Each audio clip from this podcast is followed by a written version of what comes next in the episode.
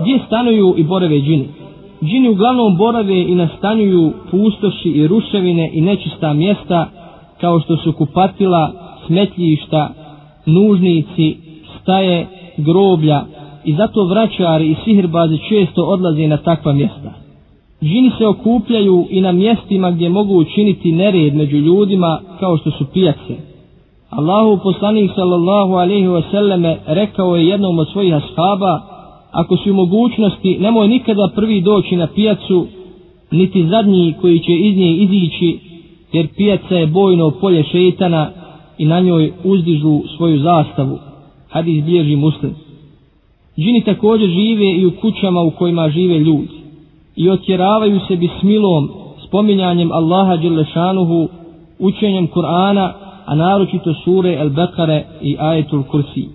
Poslanik sallallahu alaihi wa sallam nas je obavijestio da se džini šetani najviše pojavljuju u predvečerje. A u tom smislu Allahu poslanik sallallahu alaihi wa sallam je rekao kada nastupi predvečerje i prvi mrak spriječite svoju djecu da izlaze jer se tada šeitani razilaze.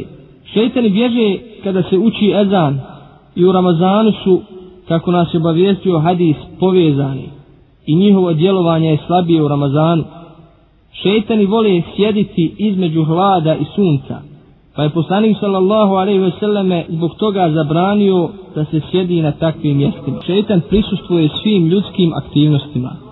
Bilježi muslim i tirmizija hadis od Džabira radijallahu anhu da je poslanik sallallahu alaihi ve selleme rekao šeitan prisustuje svakoj djelatnosti koju neko od vas obavlja pa čak i kada se hranite. Šeitan čak prisustvuje intimnom odnosu supružnika. Bilježi Buharije muslim da je poslanik sallallahu alaihi wa sallam rekao ako neko od vas želi da priđe svojoj ženi neka prouči Bismillah Allahume džennibne šeitane wa džennibi šeitane ma razaktena. U ime Allaha, gospodaru moj, od strani šeitana od nas i od strani ga od onoga što si nam podario, to jest djeteta koje se začelo. Šeitani su u mogućnosti da se pretvaraju u razna živa bića. Oni se mogu pojavljivati u liku životinja i ljudi. Kao što je u bitci na bedru šeitan došao u liku Surake ibn Malika.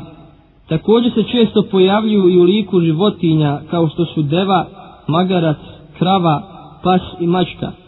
A najčešće se pojavljaju u liku crnog psa i crne mačke.